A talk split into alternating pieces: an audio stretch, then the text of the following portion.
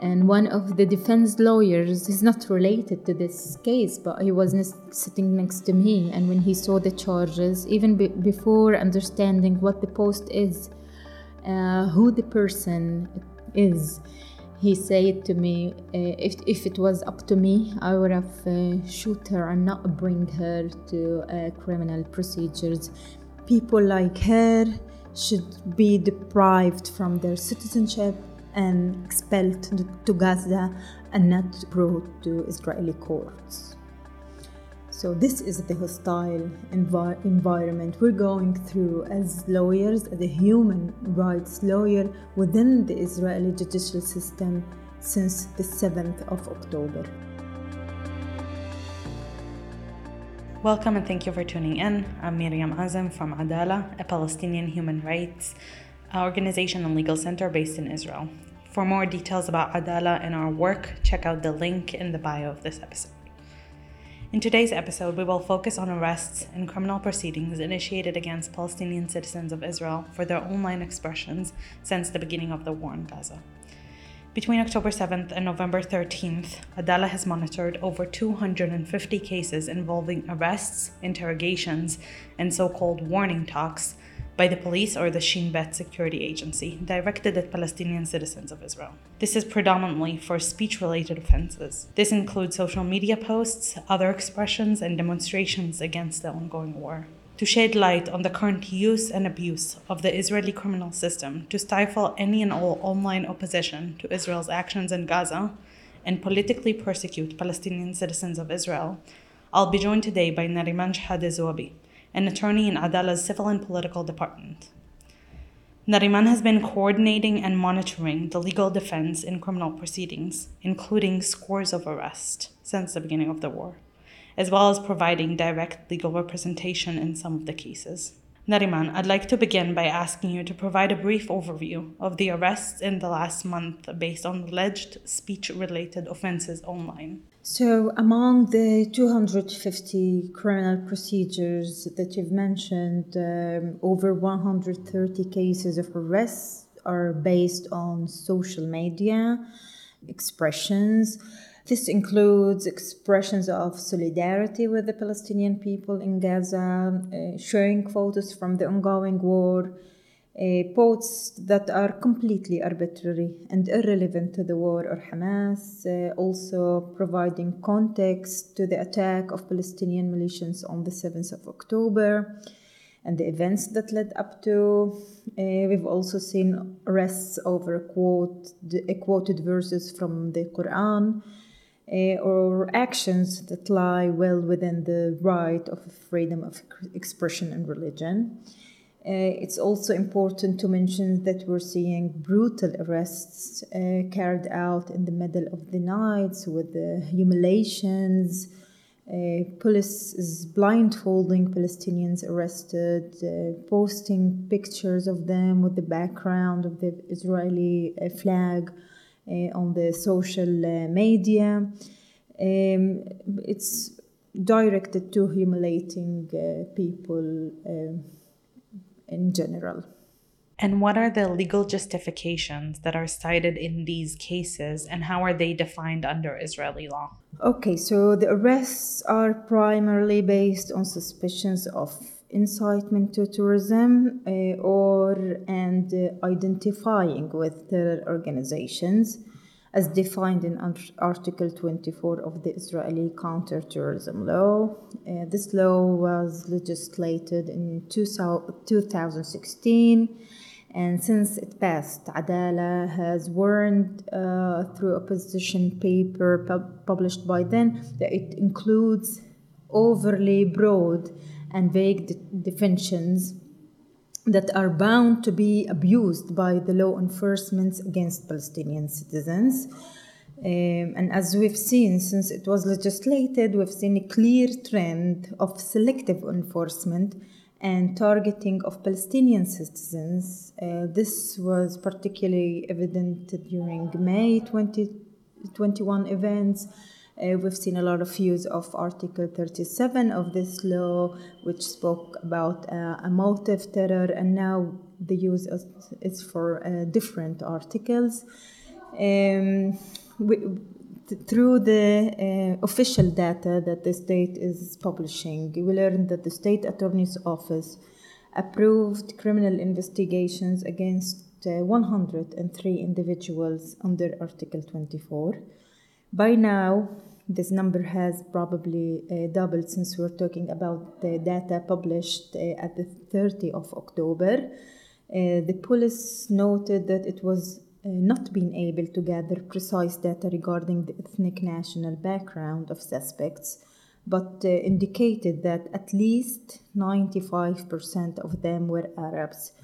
Like mm, to, to provide like context, uh, during the entire period between 2018 till uh, 2022, which is a period of five years, the state's attorney office approved only 78 investigations of this kind of uh, uh, offenses. Now we're speaking about doubling these numbers. So you mentioned that these arrests are carried out without proper legal, legal justification and uh, in a brutal and humiliating manner. Uh, could you give us a specific case that highlights these trends? Um, I will speak about a case of um, one of uh, the arrested uh, uh, students that we've uh, represented. First, we represented in the uh, procedures within the academic institution, uh, and then the materials were brought in front of the, of the police, and the student was arrested. Uh, we're speaking about publishing a post on Instagram through a story which was only for close friends, a group of not more than 20 uh, people. Um, it's a photo of uh, an Israeli military jeep who was brought uh, into Gaza, where uh, civilians, mainly children of Gaza, uh, took a picture standing on the top of it. Uh, she deleted this photo a few hours later after she learned about uh, the extent of the attack on that happened on the 7th of October. Uh, still a month later, on the 2nd of November, she was arrested when a large police force arrived at her house, verbally abused her, uh, blindfolded, blindfolded her, um, the, the arrest was extended for another three days while she was in prison. Two, two days uh, later, the police raided her house in the middle of the night, uh, confiscated uh, electronic devices that belongs to her family, integrated her parents, uh, also integrated her roommate in the uh, university uh, university dorm. While we're recording this on the 20th of October, she's still on home arrest. Uh, um, indictments still not uh, filed against her, but supposedly will be an indictment through um, this uh, week. Uh, when we're speaking about one photo that she published for several hours on the day of 7th of October before she understood what is going on and she deleted it, deleted it by herself.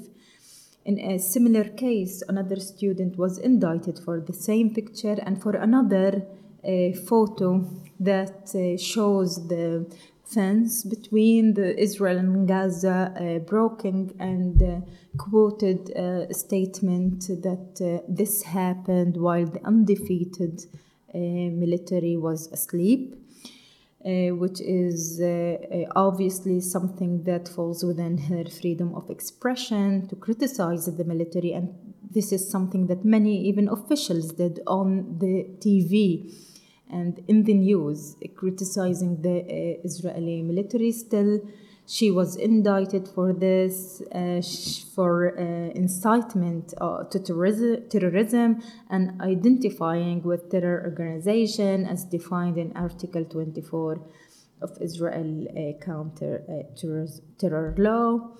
This shows uh, how unexpected um, expressions on in social media led to uh, very severe and dangerous um, criminal procedures, even for uh, students in academics. Um, also, um, they are uh, female students, which is something that we're seeing more and more uh, in this war. Uh, previously, uh, arrested people were solely men. now, now we're seeing more females being brought to detention. During the last month, uh, National Security Minister Ben Gvir made racist and inflammatory statements regarding Palestinian citizens who were arrested. Um, this includes naming several judges uh, that released detainees as internal enemies. Uh, earlier this year, you and other attorneys at Adalah led a petition against a new law that subordinates the police to, to, the, to Minister Ben Gvir. Uh, how do the statements by this minister who has direct authority over the police and other officials uh, impact the legal environment that you're seeing around these arrests and cases later on in courts? Mm-hmm. So, the slogan that we're hearing the most these days is zero tolerance. It's something that officials are using, um, stating that they will uh, be tough in their uh, reaction to any uh, expression on uh, uh, social media. speaking about Ben Gvir, it's important to know that he's in charge of the police system as and also from the Israeli prison system. Um, and according to the official data, very little know about this, but until now, since the 7th of October, six Palestinian uh, prisoners were killed, were found dead in the Israeli prison, and it shows that the, there are many severe violations within the prison that could amount into torture. The same Ben Gvir is also responsible for the police system, and what we're seeing now is more and more arrests over. Um, very uh, arbitrary post as posts as I mentioned.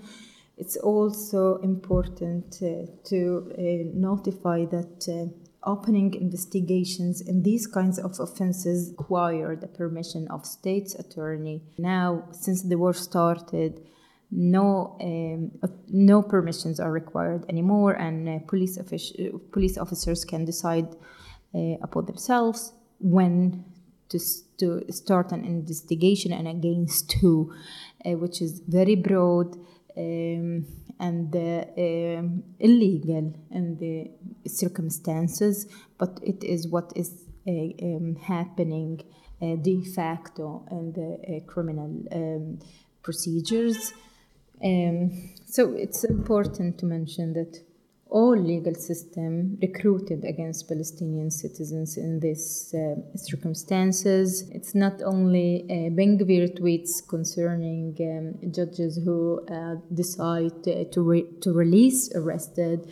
Uh, but also uh, people from within the judicial system themselves have has um, a, very hostile uh, opinions and perspective. I'll mention just one of the uh, incidents that happened while I was in court representing representing one of the students. Um, uh, who was brought to extension of detention and one of the defense lawyers is not related to this case but he was sitting next to me and when he saw the charges even be- before understanding what the post is uh, who the person is.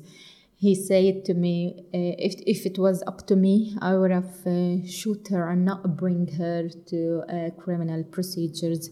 People like her should be deprived from their citizenship and expelled to Gaza and not brought to Israeli courts. So this is the hostile envi- environment we're going through as lawyers, as a human rights lawyer within the Israeli judicial system since the 7th of October. And uh, when speaking about these criminal proceedings uh, that are initiated in connection to social media and online activity, Uh, there are at the same time many right wing groups calling for violence against Palestinian citizens. Um, this goes as far as a Telegram group called Nazi Hunters that posts personal information of Palestinians and calls for their murder. Mm-hmm. Are Israeli authorities taking any legal actions against these groups? So I'll take you a little bit back to uh, May 2021 events, and I'll speak about a report that we published here in Adalah, uh, speaking about two legal systems, two different legal systems within uh, Israel, one for Jews and one for Arabs. The legal system uh, for Arabs, where we see over enforcement of criminal law and uh, lower protection of fundamental rights, including the right to life. Uh, and on the other side, the legal system for, for Jews, where we see a lack of criminal enforcement and even cooperation between law enforcement and the criminal system uh, with the organized right wing groups that uh, seek somehow to inflict harm on Palestinians. Um, and starting this war, we have witnessed uh, filing more than 70 indictments against Palestinians. Uh, obviously, most of them over uh, speech related offenses. Uh, while we see zero indictments uh, against Jews Israeli, and if you just open the web and search in a, a very initial uh, way, we'll, you'll see dozens of incitements against Arabs uh, individuals, organizations, uh, any kind of uh, incitement you will see there, even on the mainstream uh, uh, media, and not only in social media platforms.